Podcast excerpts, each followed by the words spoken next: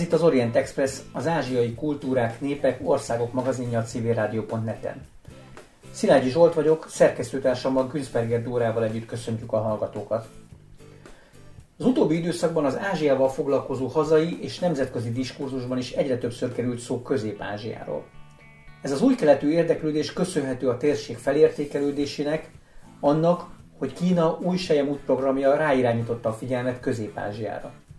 A kínai gazdasági expanzió egyértelműen sérti az orosz érdekeket, hiszen arra a területre irányul, mely a 20. század utolsó évtizedéig a szovjet-orosz érdekszférához tartozott.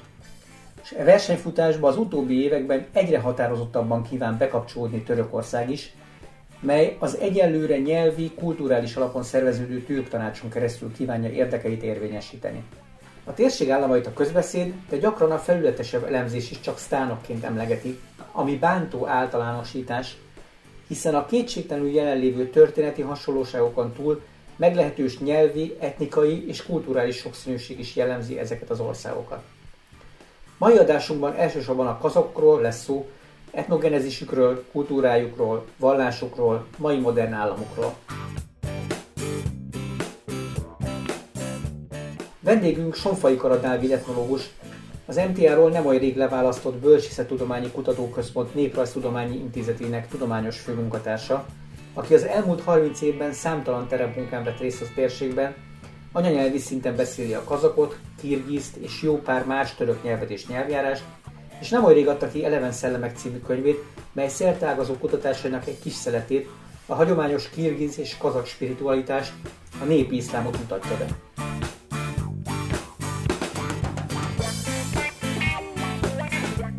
Orient Express adásainak elkészültét a Magyar Nemzeti Bank támogatja. Felhívjuk hallgatóink figyelmét, hogy az Orient Express adásai nem csak a civilrádió.net-en hallgathatók, hanem podcastként az interneten is, az expressorient.blog.hu oldalon, a YouTube csatornánkon, továbbá a Soundcloudon, a Spotify-on, az iTunes-on és a többi podcast alkalmazásban, méghozzá bárhol, bármikor, bármilyen kütyüvel.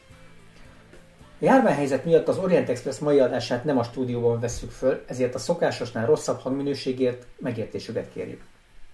Kedves Dávid, üdvözlünk, és köszönjük, hogy elfogadtad a meghívásunkat. Köszönöm a meghívást. Dávid, kezdjük az elején, tehát nyilván kikerülhetetlen a kérdés, hogy hogy kerülsz a közép-ázsiai törökök közé. Egy pár szót mondj már erről, mert tudom, hogy ennek azért elég kerek története van. Hát az érdeklődés a közép-ázsiai térség felé, az, az tulajdonképpen a gyerekkoromba nyúlik vissza. Én elég sok nagynéném Kiskunhalason lakott, Kiskunhalason, Kiskunhalason, tehát a Kiskunságban, és elég sok időt töltöttem ott nyaralással, és talán gyerekkoromban még emlékszem arra, hogy, hogy, hogy elvittek minket egy olyan településre, hogy Hark, aminek az a neve, hogy Harka kötöny, és aztán később tudtam meg, hogy az kötöny vezér, ugye a kunok vezéréről lett elnevezve. És engem kit feltűnt, hogy ott az, ott az emberek, hát azért egy kicsit más volt a fizimiskájuk, a kis mokány, és hát én meg, egy, én meg a sváb származásom miatt ugye eléggé kilógtam ott a, a sorból, és és aztán elkezdtem érdeklődni, utána olvasgatni, és hát középiskolás koromban ö, olyan szerzőknek a művek került a kezembe, mint például ö, ö, Vámbéri Ármin, ö, vagy a Vásári tanár úrtól, a, aki később ugye professzorom lett az egyetemen, neki az Aranyhorta című ő, ő, műve akkor jelent meg 86-ban, akkor, amikor én egyetemista voltam, és ezek mind olyan érdekes dolgok voltak, hogy egyre inkább kezdett vonzani ez a régi tehát közép az a nomád világa, tehát az a, amit ugye úgy szoktak mondani, hogy a Desti Kipcsák, tehát a, a Kipcsák puszta vidéke, a, a, ahol most ugye Kazasztán is található, és, és aztán elkezdtem tanulni először csak törökországi török nyelven, mert ugye az, ahhoz lehetett hozzáférni Magyarországon, nem nagyon volt akkor még lehetőség.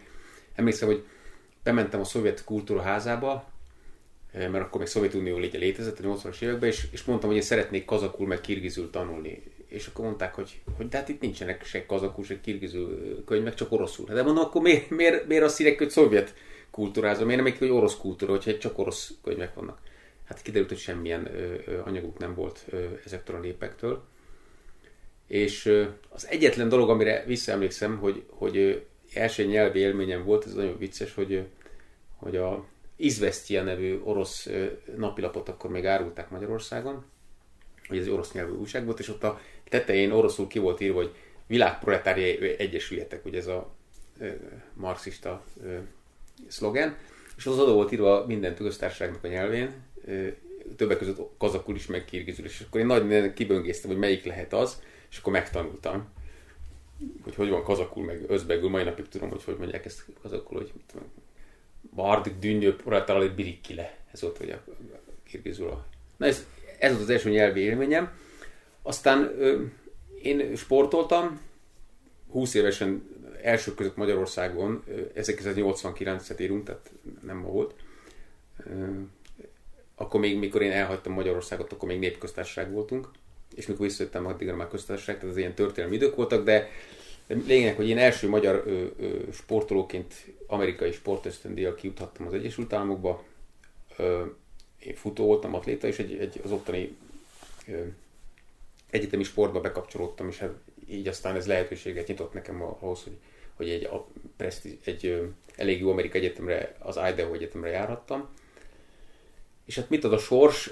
Ugye kimegyek Amerikába, mint sportoló, és a, a, egyszer csak a, kiderült, hogy a, egy, egy, csak annyit mondtak, hogy először egy kínai ö, diákot fognak a, betenni mellém szóvatásnak. És aztán kiderült, hogy kínai diákról ez nem egészen kínai diák, hanem ez, ez ö, az egykori kelet-turkesztán területéről, tehát a mai Xinjiang tartományból származó ujgur fiú. Egy kásgári fiú volt, és hát ö, tulajdonképpen ott, ott kezdett a dolog komolyá, komolyá válni, mert a, a, én addig is szerettem nyelveket tanulni, de akkor, akkor ilyen megszállottan elkezdtem tőle tanulni az ujgur nyelvet, és, és aztán amikor visszajöttem Magyarországra, akkor már, akkor már azt éreztem, hogy valahogy nekem ez a, ez a, ezek a belső török nyelvek, meg belső török kultúrák, ez, ez, ez mintha hivatásom már kezdene válni, és, és éreztem egy nagyon erős elhívást. És hát aztán a második fontos dolog volt az, hogy 1990-ben, tehát mikor visszajöttem az, az Egyesült Államokból, akkor már úgy ujgurul egész jól beszéltem. Akkor találkoztam Mándaki Kongur Istvánnal, a híres kunszármazású turkológussal, és akkor ő, ő, ő akkor az altaisztika Zsolt korábbi munkahelyén az altaisztikai kutatócsoportban volt kutató, és oda bejártam hozzá az Izabella utcába, többször találkoztunk, és és hát ő, ő azt mondta, hogy hát a kunok érdekelnek, akkor inkább jó dolog, hogy tudok ujgurul, de akkor inkább azért a kazak meg a kirgiz nyelvet, nyelvet tanuljam, és akkor elkezdtem tőle valamennyire a kazakot is kirgizit tanulni, és aztán hát sajnos ő, ő két év múlva meghalt egy szívrohamban, pedig már tervezgettük, hogy közösen fogunk kimenni közép ő ott szeretett volna egyetemi katedrát kapott volna, és szeretett volna, hogy a Szovjetunió lebomlása után ott tanári tanárként működni. Sőt, hát az elég sorszerű, hogy ő ott is halt meg. Én, én Mongóliában voltam 92-ben, amikor ott hallottuk, hogy a Mándogi Kongur meghalt augusztusban valamikor terepen. Igen, a Dagestánban. Dagestánban halt meg, a kumukok között, tehát az nem egészen közép de ugye a észak-kaukázusi térségben is ott is kipcsák török nyelveket beszélnek, és ugye ő a kun. Ő kicsit egy ilyen igazi pánkipcsákista ember lett, a, a, a, a, én úgy, úgy is vásári tanár úr talán azt mondta, hogy ő volt a kunapostól, tehát hogy a, a, ezeket a kipcsák népeket hogy egy nagy népnek tartotta, és, és hát állandóan ezek között ezekhez járt ki, és én találkoztam vele gyakorlatilag a halál előtt egy pár héttel volt egy baskír előadása a Pesti Brigadóban, és ott ő baskírul fogadta a, a, a táncosokat, vicces volt, mert fölment a színpadra, és Baskiró elkezdett mondani egy beszédet, amit a táncosok értettek, de hát a közönség nem is. Nem akarta abba hagyni, és az emberek már elkezdtek tapsolni, hogy hagyja abba. Ő meg csak mondta Baskirul, vagy hogy, tehát azt hitt, hogy azért tapsolnak, hogy milyen jó, hogy Baskirul, de hát nyilván az emberek már várták, hogy kezdődjön a tánc. És akkor elbúcs, elbúcsúztunk, és akkor mondta, hogy majd ha visszajön Dagestánból, akkor, akkor majd megbeszéljük, hogy hogyan tovább, és hát akkor meghalt. De te viszonylag gyorsan terepre is kerültél, tehát azért elég korán én, én, én, én már 91-ben a Mándoki tanár úr segített egyébként, de én 1991-ben fog, összespóroltam a kis pénzemet, fölültem egy repülőgépre, és én el, elmentem mm, Kínába, Pekingbe, és ott pedig egy ilyen, egy ilyen, egy ilyen hát akkor még 91-ben nagyon egészen más volt Kína, egy gőzmozdonnyal, ilyen fapados gőzmozdonnyal, amivel a kínaiak utaztak, sikerült arra föl férnem, mert egyébként ezeknek a külföldieknek fenntartott drága vonatjegyeket nem is lehetett beszerezni. De engem valahogy sikerült, feljutottak egy, egy ilyen fapados gőzmozdonyra, és azzal négy napig, négy nap vonatozás után eljutottam Ürümcsibe, és akkor ott bebolyogtam ezt a Xinjiang területét, és ott, ott, ott már aztán eléggé kiderült, hogy tényleg a, a, a nomád világ engem sokkal jobban vonz, vonzott. Ugye az újgurok közt is jól éreztem magam, meg bejártam ezeket a, ezeket a oázisvárosokat, Káskár, Hoten, Turfán, tehát mindenhol voltam. De aztán, amikor egy összebarátkoztam egy helyi kazak fiúval, ugye Xinjiangban 10 millió újgur van, de mellettük van kb. másfél millió kazak is. Cári, mikor a cári gyarmatosítás miatt, ugye a kazak, kazak területet gyarmatosították, akkor a, a mandzsuk ö, ö, befogadták a, tulajdonképpen azokat a kazakokat, akik nem akartak ö, a cár ö, ö, alatfalúi lenni. És, és vannak kirgizek is, hát azok kisebb számba, és akkor ő elvitt a Tekesz folyó völgyébe, ez a Tiensánnak az egyik ö, folyója, egyébként Kazasztánban ered, de átfolyik Kínába, Ugye a Tienshan az, az, az Kirgisztán és Kazasztán határán van, de át nyúlik elég mélyen be, be Kínába, majdnem egészen a Mongó, Mongólia területig. És hát tulajdonképpen ez választja ketté a, a Tári medencét, az délre van a Tienshan, és északra pedig Dzsungária. Ez a, ennek a térségnek a két nagy földrajzi tájegysége. És elvitte ebbe a Tekesz folyóvölgyébe, ahol a kirgizek, kazakok, dzsungár mongolok tehát ezek az őlet, őletek, ezek vannak, úgyhogy hát ott belecsöppentem egy egészen mesés nomád világba, és az, az gyakorlatilag egy életre rabbá ejtett, és 92-ben ugye független Kazaksztánnal aláírtunk egy ilyen diákcsereegyezményt, és 93-ban szintén elsőként ezzel az ösztöndi csereprogrammal én kimentem Almatiba, és az ottani Kazak Egyetemen már gyakorlatilag két szemesztert tanultam kazakul. A nomád népeknek milyen jellemzője fogott meg leginkább? Tehát mi az, ami miatt a nomád népek felé kezdtél el érdeklődni, és nem más irányba? Hát ö, nyilván ebben vannak, vannak ilyen romantikus szálak is, tehát ö, hát a Zsolt is biztos, ugye sokat járt maga, hogy tudja, hogy milyen az, amikor az ember ezeken a, ezeken a nagy végtelen pusztákon, vagy azokon a ö, hatalmas ö, hegyi fensíkokon jár, és akkor ott, ott, ott vannak a nemeszházak, a jószágot, legelész, és, és tehát egy olyan romantikus, nekünk európai ember számára egy olyan világot ö, ö, tár elénk, ami, ami, ami megfogja az ember fantáziáját.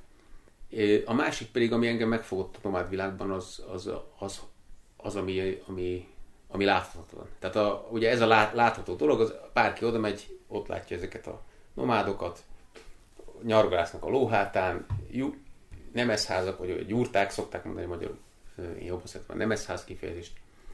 De van, van egy láthatatlan világ, ugye az a szellemi kultúrájuk, ami, amit az ember csak akkor tud megismerni, hogyha tényleg mélyebben belefolyik a dologba, és megtanulja a nyelvet. És akkor ugye kiderül, hogy, hogy, hogy nekik van egy nagyon ö, izgalmas ö, hitviláguk, spiritualitásuk, ö, ö, megőrizték ö, nagyon sok, ö, tehát vannak akár, nevezük úgy sámányaik, és vannak, ö, vannak ö, epikus, tehát szájhagyomány, borzasztó gazdag a szájhagyományuk. Úgyhogy aztán engem, e, engem végül is ez, ez tehát a, a népzenéjük, a folklórjuk, a, a, a, a hitviláguk mind sokkal-sokkal izgalmasabb volt számomra, mint mondjuk a, az erősen iszlamizált és iranizált városlakó törököknek, ugye ezeket a nomádok szártnak nevezik, de ma általában ugye azt lehet mondani, hogy a két olyan népcsoport van, akiket akik ezek a városokú törököknek a leszármazottai, ezek az özbegek és az újgurok. Tehát az egy, az egy, az egy az egy nagyon erősen iszlamizált és nagyon erősen iranizált kultúra, ami, egy, ami mondjuk inkább a perzsa iráni világhoz kapcsolódik. Engem viszont ez a, ez a nomád világ jobban izgatott, ami, ami viszont a, amiben az, sok elemé megmaradt annak a régi ótörök igazi nomád világnak, ami, ami, ami talán valahol a ős magyaroknak, meg a, meg a kunoknak is, hát főleg a kunoknak a, az ősi kultúrát és világát felidézi. Hol van a kettő között a választóvonal, hogyha föld, hogyha térképre néznénk, akkor hol kellene keresni a két világ közti Hát, a, hát tulajdonképpen a két világ közti határ az, az, azt a természet maga ő szabja meg. Ezek, ezek, ezeknek a közép ezek, ezek a oázisvárosai adják. Tehát ugye ezeken a vidékeken nagyon régi idő óta öltözés és földművelés honosodott meg, és ezek, ezek a, amennyire tudjuk, ilyen főleg iráni eredetű népek, szokdok, szakák, tohárok elég korán fölműveléssel is kezdtek foglalkozni, és illetve hát itt vonult keresztül ugye a, a, a sejemút.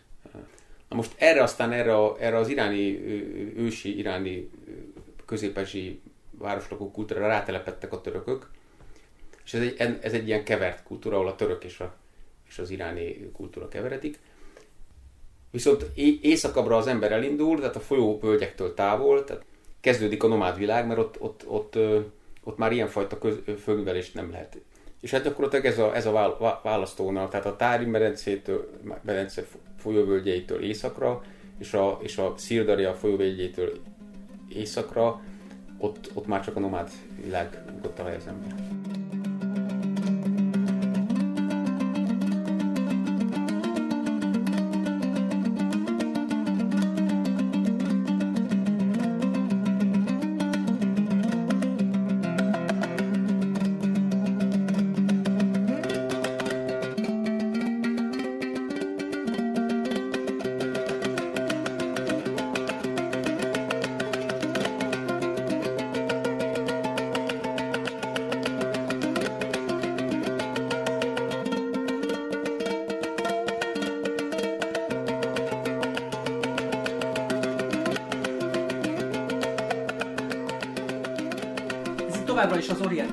Mai vendégünk Sonfai Kara Dávid etnológus, akivel Közép-Ázsiáról, közép-ázsiai török népekről beszélgetünk. Folytassuk is a kazakokkal. Talán úgy te említetted, hogy hát nagyon korán, legalábbis az önálló kazak állam létrejötte után nagyon korán, 92-93 körül te tanultál Kazaksztánban. Ö, itt már eddig sok népnév elhangzott, egy kicsit koncentráljunk most a kazakokra mondjál néhány szót arról, hogy hogy jött létre Kazaksztán, vagy az a terület, amit ma Kazaksztának hívunk, az ott élő nép, az hogy alakult ki?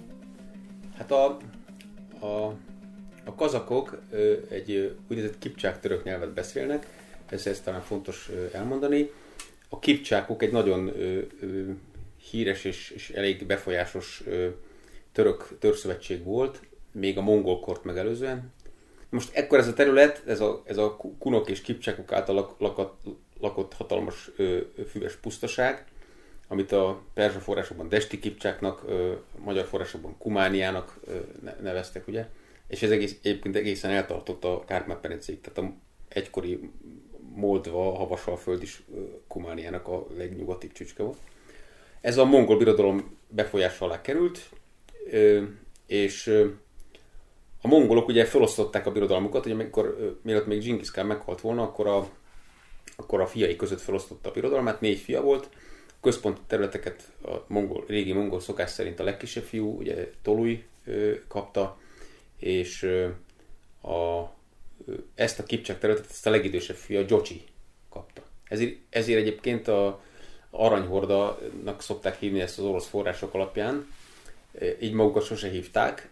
A mongolok ezt a területet Jocsi Urusznak, a Jocsi részbirodalmának, vagy örökségének, Uruszának nevezték.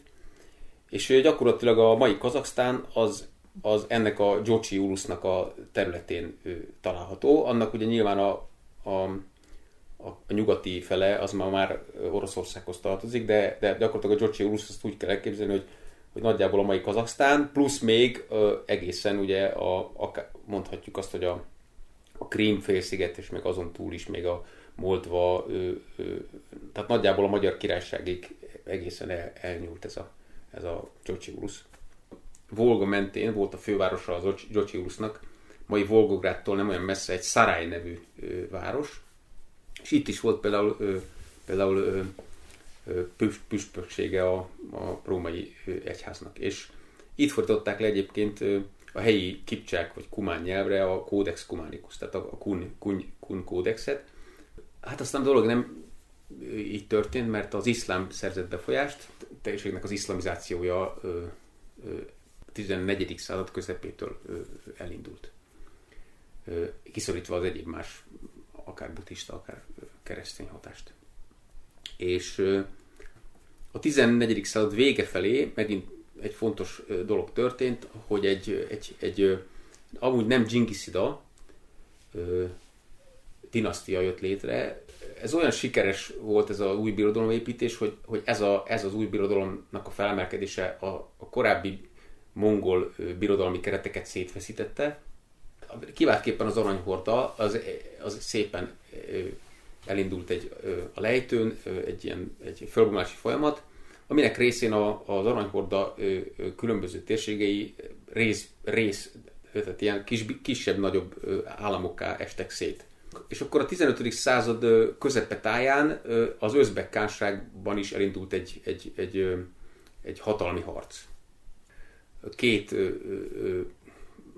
csoport egyébként, akik dzsinkiszidák voltak, tehát ezek, ezek még magukat dzsinkiszt vezették le, ezek, a, akikből később aztán az özbeg meg kazakkának lettek, tehát ők kánnak hívták magukat, és dzsinkisztának tartották, és a, a, volt a, az Abul Khair féle társaság, és a másik pedig a Barak Khan, és a Barak Khannak a fiai, akik szerettek volna az özbek kánságban hatalom ütni, ők, őket kiszorították a hatalomból, és ezért tulajdonképpen föllázadtak a központi hatalommal szemben, és olyan 1460-as, 50-es, 60-as években elvonultak a központi, tehát araltó szírdői területekről elvonultak, és gyakorlatilag a, a, az egykori Gyocsi Urusz és Csagatájusz határvidékén, ez a mai Balhastó vidéke, ugye, tehát ahol a Almat is van, tehát ez a, ezt Balhastó vidékének is szokták mondani, úgy is szokták mondani, hogy Jetisu, ugye azt mondja, hogy hét folyó országa, tehát erre a vidékre vonultak, és itt egy úgynevezett lázadó ellen kánságot hoztak létre. Na most a kazakok nem szeretik, ha ezt mondják, de ez, ez, ez valószínűleg ez így van, hogy a kazak szó az azt jelenti a kipcsák nyelvben, hogy, hogy lázadó, betyár, ilyen törvényen kívüli mai napig egyébként a nogályok például, vagy a kaukázusiak, ha valaki betyárkodik, az kazáknak szokták mondani. Ebből van egyébként a kozák elnevezés is, tehát a, az oroszok is ezeket a, ezeket a ö, törvényen kívüli ilyen ö, határmenti ilyen félkatonai, félkatonai szervezeteket nevezték kozákságnak. Igen. Most a, a kozákok meg a kazakok gyakorlatilag az elnevezés ugyanaz, ugyanabból a török betyár szóból ered. És ők is először egy ilyennek számítottak. Tehát egy ilyen lázadó félkatonai szervezet volt ez a kazak horda, ott a Balhastó vidékén, és aztán ez a név annyira megragadt, hogy amikor, amikor aztán a, fölemelkedik a kazakkánság a 16. században, akkor már, már, már mindenki úgy hívja őket, hogy kazak, kazak, kazak.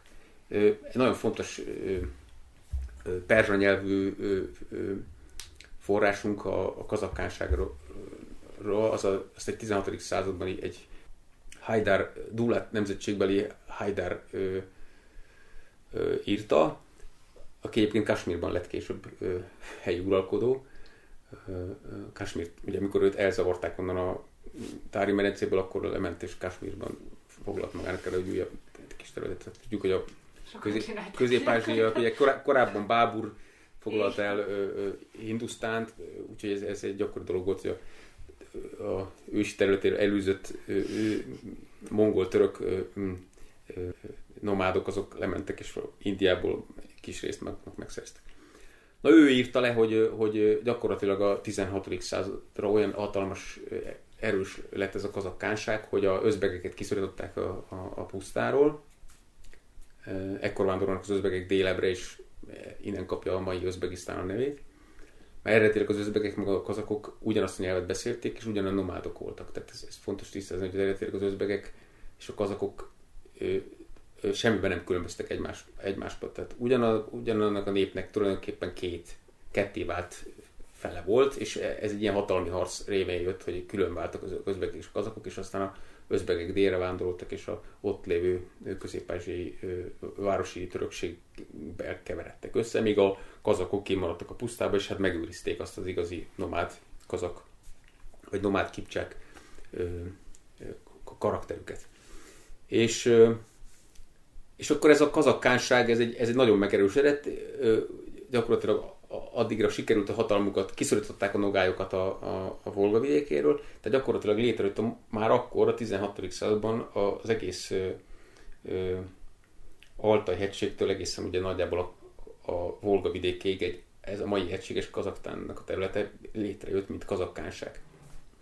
Azért fontos ezt hangsúlyozni, mert mert ebből voltak komoly politikai viták, hogy ez, a oroszok szívesen szokták mondani, hogy hát Kazaksztán az sosem létezett, azt csak a Szovjetunióba hozták létre, egyébként először, mint Kirgiz SSSR, mert a oroszok, hogy ne keverjék össze a, a kazakokat az ő kozákjaikkal, mert oroszul a kozákokat kazáknak mondják, tehát ugyanaz az elnevezés, hogy ne keverjék össze a kazakokat a kozákokkal, ezért a kazakokat egészen a, a Szovjetunió megalakulásáig Kirgiznek hívták. Tehát, hogyha valaki egy szovjet kor előtti szakirodalmat olvas, akár Vámbérit is, hogyha Vámbéri azt írja, hogy találkoztam a Kizilkum sivatagban nomádjaival, a kirgizekkel, akkor ugye hát nincsenek kirgizek, mert az, azok a tiensen hegyei között laknak, az mindig a kazakokat kell alatta érteni. Igen, tehát valamikor 30 évben Stalin mondta, hogy na jó, akkor ezt fejez, fejezzük be, és akkor az volt a megoldás, ami egyébként a magyar helyesírás szempontjából is érdekes, hogy a, a, a kozákok ugye megmaradtak kazaknak, két kával, kazák, az oroszban, és a, és a, és a ezek a kipcsák kozákok, vagy kipcsák kazákok, ezeket, ezek, hogy ne keverjük össze, a, a második K-ból csináltak egy hát, kazach. Ugye oroszban ez egy ilyen torokban ejtett H hang. Most a magyarban meg sima H-val írták át, és ezért, ezért gyakran kazach, ugye ez a magyar H, de a turkológiában mi továbbra is ezt K-val írjuk. Tehát én, én, én, hogyha leírom, hogy kazak, akkor mindenképpen K-val szoktam, nem ezt a H-val, H alakot, amit a, ami az orosz szovjet névből.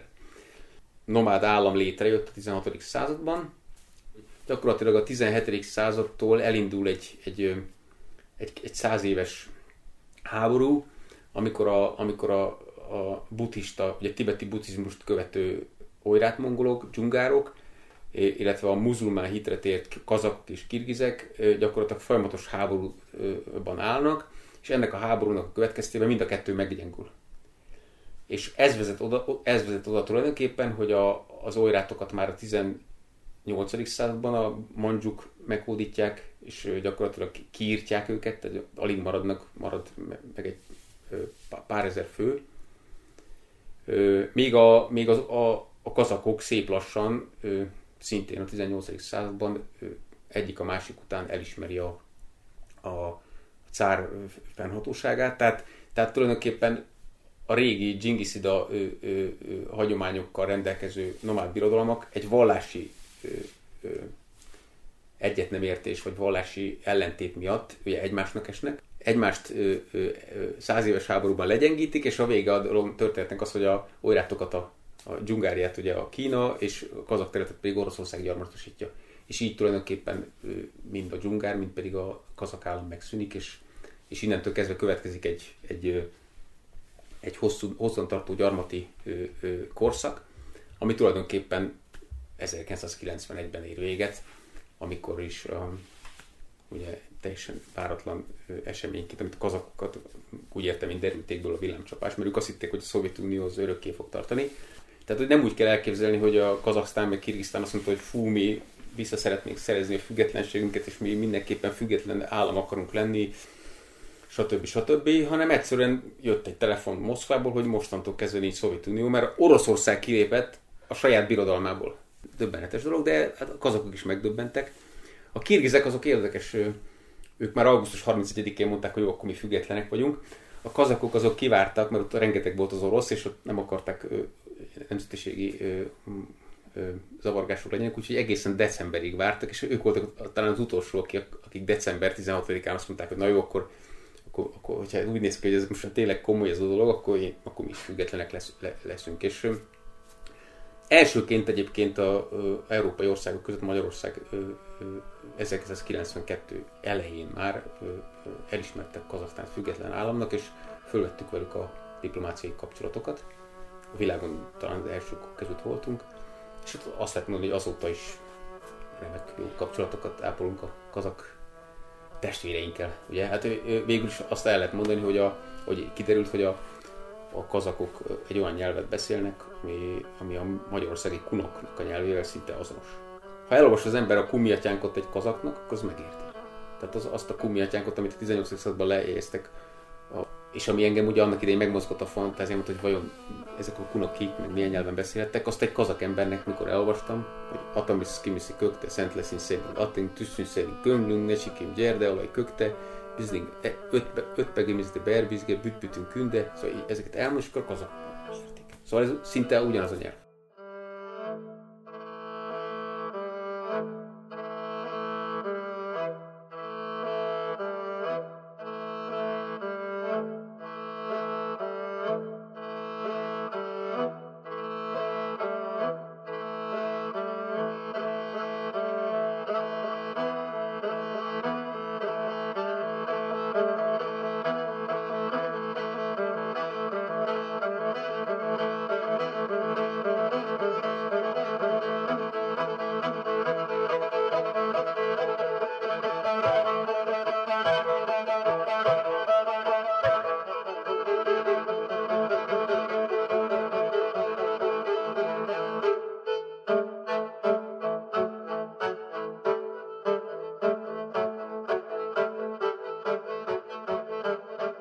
Ez itt továbbra is az Orient Express, Sonfai Kara Dáviddal beszélgetünk Közép-Ázsiáról, közép-ázsiai törökökről, Kazaksztánról.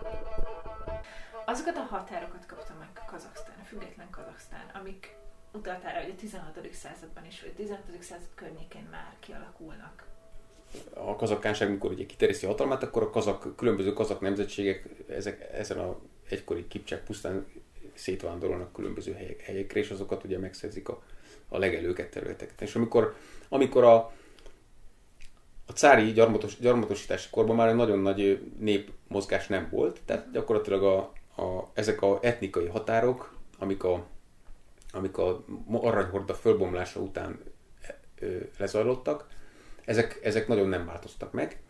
Ezen a, ezen a térségen két állam jött létre, a Kirgiz köztársaság és a Turkesztáni Szovjet Köztársaság. Mm Na most a Turkesztán az egy, ilyen, az egy ilyen mix volt, mert ott benne voltak a türkmenek, az özbegek, a tá- még a tádzsikok is, tádzsikok, karakalpakok, kirgizek, mindenki benne volt.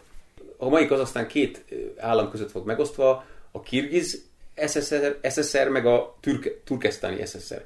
És aztán a, a, a korban volt egy ilyen revízió, amikor, amikor próbálták a, a, azokat a korábban kialakult etnikai határokat követni, ami alapján az új köztársaságokat létrehozták, és ez a kazakok esetében azt hogy mondjam, hogy, hogy elég szépen el lett találva.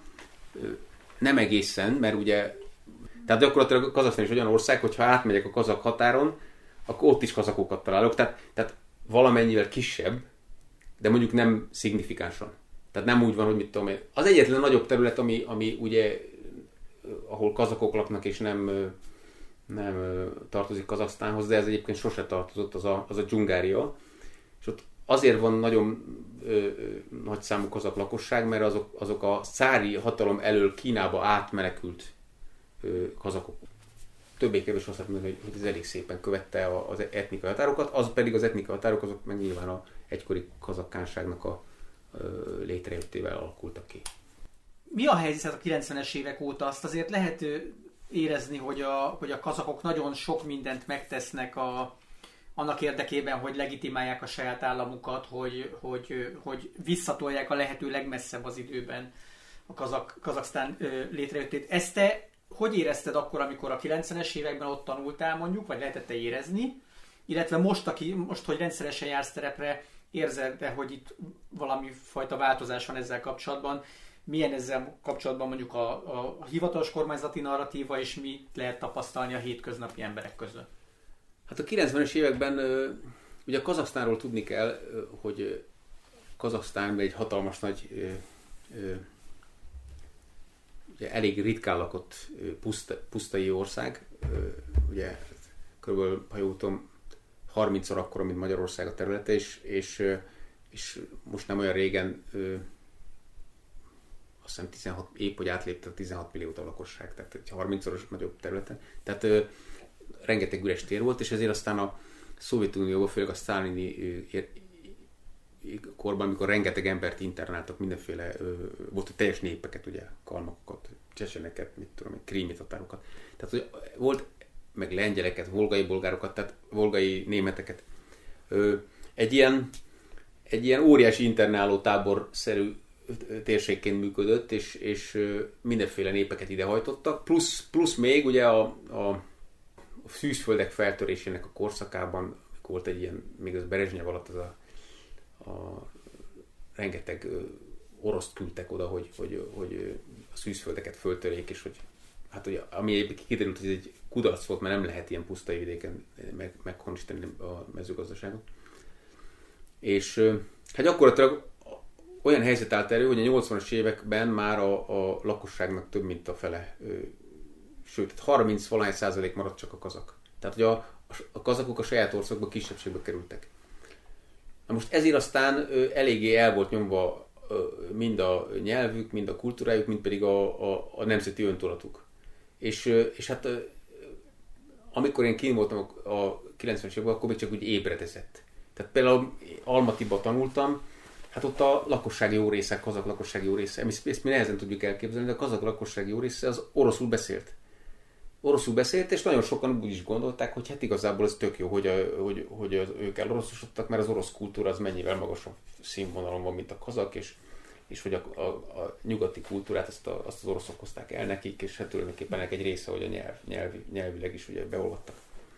Aztán ez, ez, ez kezdett megváltozni, ennek két ö, ö, oka volt az egyik az iszlám erősödése. De nyilván az iszlám erősödésével az iszlám nem, nem a nyugati oroszos műveltséghez való köz, tudom, affinitást, vagy ahhoz való kapcsolódást próbált erősíteni, inkább az visszatérni a régi kazak gyökerekhez, ami még ugye tisztán muszlim, gyökerek voltak. Ugye a kazakkánság az egy muszlim állam volt, ugye, amióta Özbekkán meg áttért az iszlám hitre a 11. században, azóta ezek a kánok mind muzulmánok voltak. Tehát a, a régi iszlám gyökerekhez való visszatérést ö, ö, ö, ö, a, az iszlám re, ö, reneszánsz is ö, forszírozta. Tehát ők szerettek volna, volna az orosz kultúrától és az orosz nyelvtől való elszakadni, és ezért, ezért az volt a taktikájuk, hogy erősítsék a, a, a, kaz, a visszakazakosítását a lakosságnak. Az iszlám hatás kívülről is jött, gondolom. Tehát, hogy ez nem egy organikus belülről induló folyamat volt, hanem volt valami külső hatás. Hát ez főleg külső hatás. Én úgy gondolom, úgy, hát ez Arábia. Arábia. Amit, amit én látok, a szaudarábiai. Szaudarábia, tehát ezek, a, ezek az arabok által ö, finanszírozott mindenféle ö, ilyen wakfok, ilyen muszlim ö, ö, alapítványok, még a vahabitek is meg, meg Hizbul Tahir, meg mindenféle ilyen, ilyen eléggé szervezetek is megjelentek a, a térségben. Másrészt a törökök. Tehát a, a törökországi törökök, ők viszont az iszlámot a, pán, a pántürkista, ö, ö, kvázi oszma, oszmanista, ilyen oszmán birodalmi re, restauráció jegyében próbálják.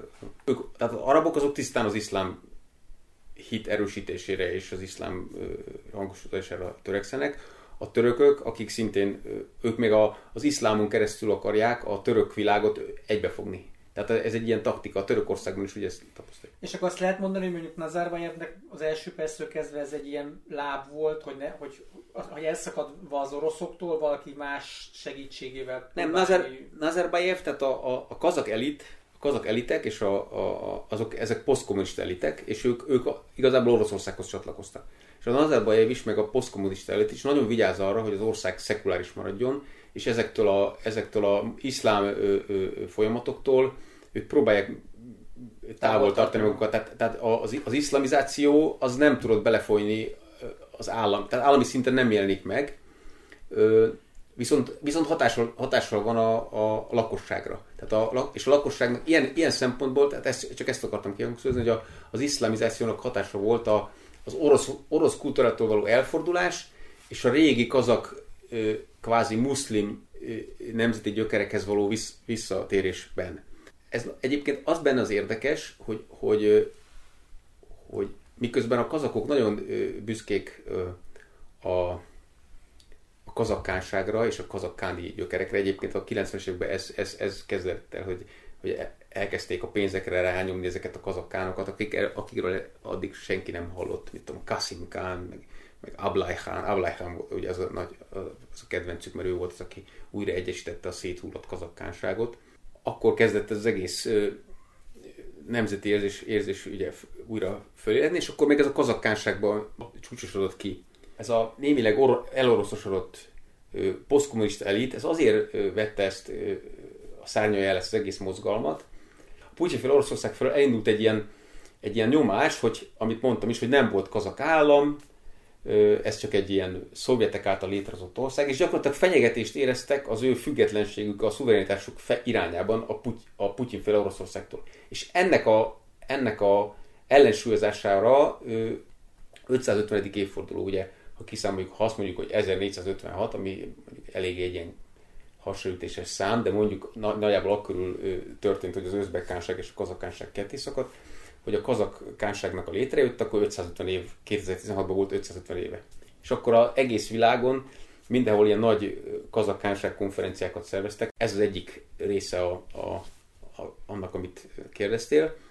A másik része viszont, az egy nagyon érdekes dolog, az meg, az meg olyas, mint a mongoloknál, ugye, hogy a mongoloknál is a, a mongol nemzeti tudat az, az egyrészt Genghis Khan, ugye a kazakoknál is a, a kazakkánság, bár az érdekes, hogy a kazakkánság ott nagyra tartják, de azt már elhallgatják, hogy ez mongol eredetű.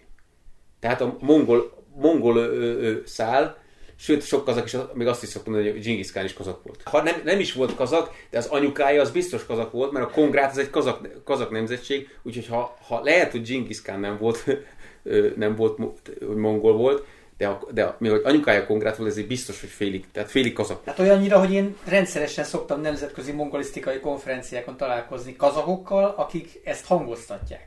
Lépten nyomon. De, de mondom, ez, ez szinte el van hallgatva, tehát, tehát, tehát, tehát kazakkánság, kazakkánság, és akkor meg, és megkezdem, és a kazakkánság az miből jött létre, és akkor, és akkor jó, akkor mondják, hogy jó aranyhorda, vagy George de kész, de az, hogy az, az, az a mongol birodalomnak a utódállama, ezt így, ezt így szinte, hát jó, hát a tudományban elfogadják, de az, az emberek fejében nem jelenik meg.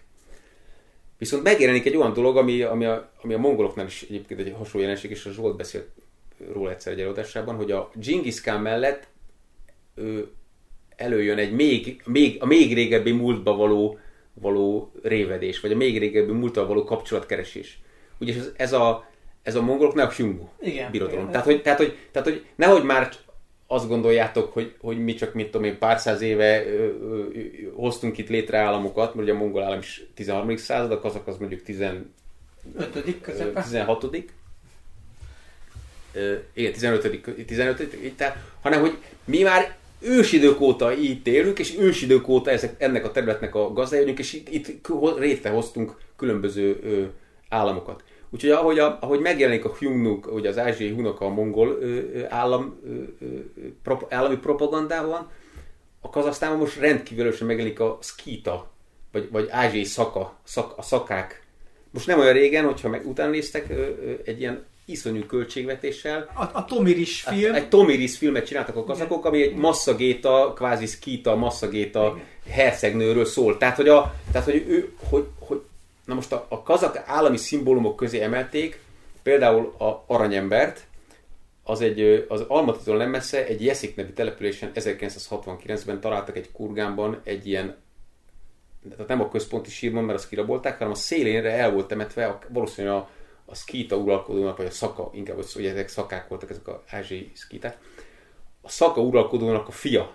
És ezt ugye a, a síralók nem találták, mert az oldal volt, és egy ilyen teljesen aranyba öltöztetett figura ez az aranyember, és ez, ez ma ilyen állami szimbólum. Mint hogyha a kazakok, és ma már ott tart a dolog, hogy, hogy múltkor is egy, valahol beszélgettünk, és egy kazak konferencián ta, ö, ö, tartottam, és hát én mondtam a kazakoknak az eredetével kapcsolatban, és akkor a, külön felhívták rá a figyelmet, hogy ne felejtsem el azt, hogy a kazak, a kazak etnogerezésben, a kazak nép létrejöttében egy fontos szerepet játszottak a közép szakák, vagy szkíták. Úgyhogy múltkor viccesen mondtam is egy barátomnak, hogy mondom, hogy a kazakok elvitatják, a kazakok szkíta eredetűek, a mongolok huna eredetűek, akkor szegény magyaroknak mi mar, kimarad, hogyha, hogyha minden ilyen szkíta hun ősöket elvitatnak tőlünk. Hát ez csak vicc, viccesen érzem meg. Szóval e, ez egy, ez egy ilyen érdekes jelenség, hogy, hogy a, kazakká, a kazakkánságnak az államiságát az orosz az orosz befolyás és az orosz orosz állam által való fenyegetettség szempontjából erősítik, hogy bebizonyítsák, hogy igenis volt kazak állam, és ez nem, egy, nem a Szovjetunió jött létre, és nem egy orosz szok által létrehozott képződmény. Viszont igazából a közép való még régebbi gyökereiknek a hangsúlyozására viszont a, előjött ez a szkíta. Szkíta, masszagéta, szaka, szál is az a kazak állami propagandában.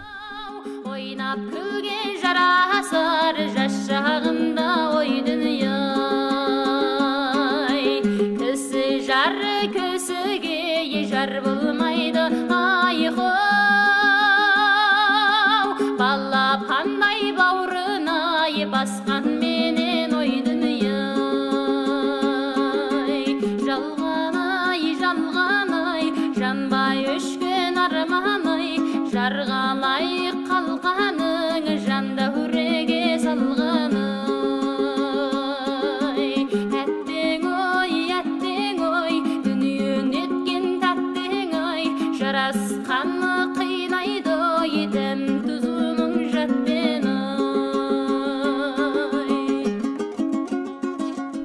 továbbra is az Orient Express. Sonfai Kara Dáviddal beszélgetünk Közép-Ázsiáról, közép-ázsiai törökökről, Kazaksztánról.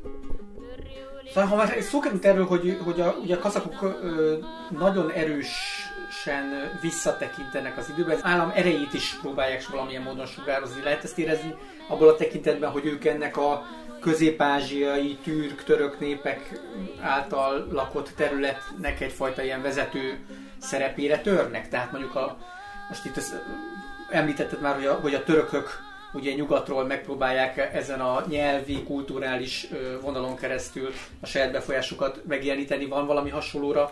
Igen, van, van ilyen Példa. törekvés. Szeretnének ők szerintem ők a, főleg a közép türk világnak a vezető ö, ö, állama lenni.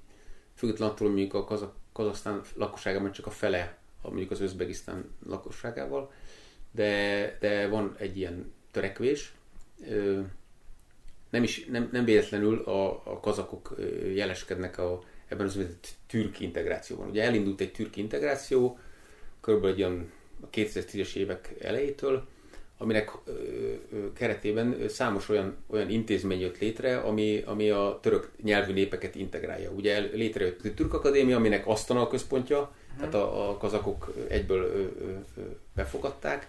Utána létrejött a Türk Tanács, ami Isztambulban van, de, de, de jelenlegi vezetője egy kazak ember. Létrejött a Türkszoly, egy ilyen kulturális szervezet, ami Ankarában van a központja, de szintén egy kazak vezeti. Tehát a kazakok elképesztően módon ö, ö, ö, ö, erősen képviseltetik magukat, erre sok pénzt költenek, és na, nagy energiákat fektetnek be, és, és igen, elmondhatjuk, hogy szerintem az özbegek nem annyira ö, ö, tehát ők is nem akarnak ebből kimaradni, de, de a kazak állam mindenképpen fontosnak tartja szerintem, hogy hogy ők a térség vezető politikai és gazdasági hatalma legyen, kiváltképpen a, a, az ott, ottani különböző türk népek vonatkozásában. Ez, ez Nazarbayev ötlete, vagy azóta, mióta ő visszavonult, hát, idézőjelben visszavonult? Hát visz, mindenképpen Nazarbayev ötlete, mert ott ez a türk integráció még akkor kezdődött, mhm. amikor ő, ő, ő hivatalosan is a, a, a, a vagy meg ezt el, az államelnök volt, illetve ahogy ők mondjuk, azok mondják, Jelbasze a, a, az ország feje. És hát tulajdonképpen lehet, hogy ő hivatalosan visszavonult, mert nem tudom hányszor kellett volna újra választani, de tulajdonképpen a, a jelenlegi hatalmi struktúra mögött is ő áll. Tehát biztos, hogy, hogy ez, ez a Nazarbayev, illetve Nazarbayev körüli kazak elitnek a, a Gyakorlatilag a következő politikája, cél, amit meg kéne valósítani. Politikája, igen. És hát a, a, a türk, ugye ők, ők, ők azt látják, hogy, hogy a türk tanács, ami ugye összefogja ezeket az államokat, ugye a kazakok számára azért fontos, mert úgy gondolják, hogy a Oroszország megkerülésével Azerbajdzsán és Törökországon keresztül ugye tudnak ők majd Európa felé nyitni. Ugye mert, mert Kazaksztán hiába van Európa, ugye Kazaksztán félig európai ország, azt, a foci, foci a foci Európai Bajnokságon részt vesz Kazaksztán, mert ugye Kazaksztának egy pici része, ami az Urál folyótól nyugatra esik, ugye Urál folyó a Kaspi tengerbe folyik be, kazakok egyébként Zsáiknak hívják. Na ennek egy kis része Európa, hivatalosan Európa azt ugye a földrajzi beosztás miatt. És ezért aztán Kazasztán választhat, hogy most éppen Európa, Európa bajnokságokon indul, indítja a sportolóit, vagy, vagy Ázsia bajnokságokon. Fociba Európa bajnokság, de mondjuk atlétikában Ázsia bajnokság, ez is érdekes, de, de hiába van ugye egy kis részük Európában, ott van Nagy Oroszország. Tehát a, a, a Kazasztán nyugati határágyóban az orosz ország blokkolja tehát nem tudnak ők közvetlenül eljutni Európába, és nekik ezért a türk tanács egy fontos kapu lehet Európa felé, meg a Magyarország is. Ugye Magyarországgal azért is haverkodnak, mert azért is ugye, megnyílt ez a türk tanácsnak a, a az irodája, az irodája uh-huh. 2010 tavaly, tavaly. Hát tulajdonképpen ide, idén nyílt meg, de 19-ben lett hivatalosan bejelentve, hogy lesz.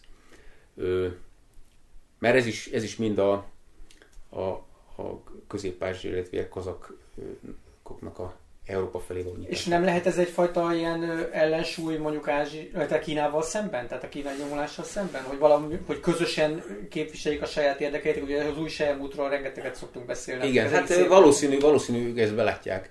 Tehát ők belátják azt, hogy, hogy Oroszország elég súlyt jelentett Közép-Ázsiában azzal kapcsolatban, hogy a kínák nem tudtak tovább haladni. Tehát az orosz birodalom megállította Kínát.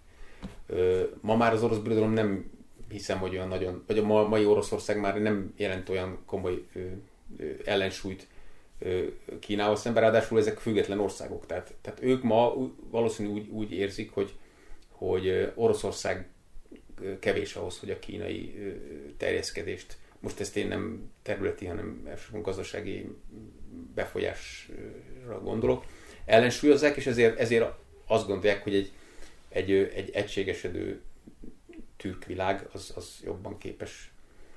Ugye hát ha összeadjuk Közép-Ázsiában van mondjuk olyan 60 millió, 60-70 millió török ajkú, Törökországban megint annyi, tehát akkor az már egy ilyen Mondjuk létszámát Hát közel, közel 200 milliós ö, ö, ö, népességet jelent, mondjuk az is Kínához el, képest eltörpül, de hát azért, azért, azért az, egy, az egy fajsúlyos dolog, hogy, hogy Törökország, Azerbajdzsán, tehát Özbegisztán, Kazaksztán, Kirgisztán egy pici ország, de, de ezek ilyen, azért ezek ezen elég, így együtt azért elég fajsúlyos társaság. És a türk tanácson belül nem akad kihívója Kazaksztánnak? Tehát nem, mások nem próbálják meg torpedozni a kazak dominanciát? Hát a türk tanácson belül én úgy látom, hogy két ország van, aki, aki, aki a, ugye Törökország eleve a nagy, de a törökök számára ez a szerintem más miatt fontos a türk tanács, tehát ők inkább szerintem a, a saját maguk közép dominanciáját akarják ezen keresztül képíteni, míg a, míg a, a többi török népnek ugye ez egy, ez egy, ez egy csatorna, vagy, vagy ki, ki, Európa felé. Hát ő, szerintem a Azerbajdzsán. Mindenképpen Azerbajdzsán. Azerbajdzsán. Tehát ez a két ország, Kazaksztán és Azerbajdzsán, akik legaktívabban próbálnak pozíciókat képíteni a türk tanácson belül, és, és, és ők próbálnak a, ennek a türk integrációnak a motorja lenni. Tehát a, a, ők a legakt, ez a két legaktívabb, és ez nyilván mutatja a szándékaikat is. Egyébként ő, ő ez a két ország, a, ugye a Kaspi-tenger vezet, a olaj térségnek a két vezető olajtermelője. Tehát ö, nekik az is ö, nyilván egy, egy jó dolog lenne, hogyha valahogy megoldódna a, a, a Kaspi olajának a, a kiutása Európa felé. Európa felé, Oroszország megkerülésével. De ez egyelőre nem megoldható, és hát nyilván azok, azok között a kaukázusi konfliktusok, akár Grúziára, akár Örményországra gondolunk, ami, ami, ami itt a szemünk előtt zajlik, annak azért van köze ehhez az egész Kaspi tengerolajhoz, ugye Iránról ne is beszéljünk.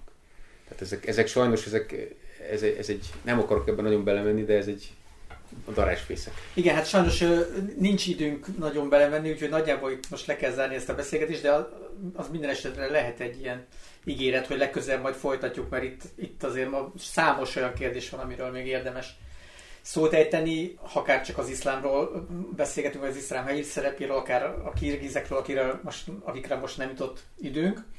Úgyhogy köszönjük szépen a lehetőséget, vagy köszönjük szépen, hogy elfogadtad a meghívásunkat, és akkor Én köszönöm a lehetőséget. köszönjük a hallgatóknak a figyelmet, és folytatjuk.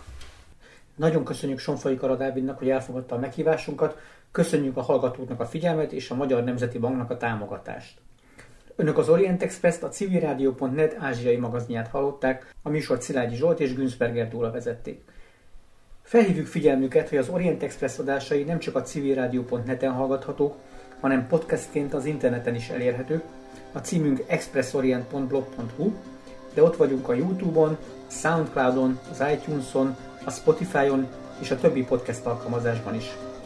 A Facebookon pedig a Pázmány Péter Katolikus Egyetem Modern Kelet-Ázsia kutatócsoportjának oldalán lehet megtalálni az adásokat és készítőinket. A viszonthallásra tartsanak velünk a jövő héten is!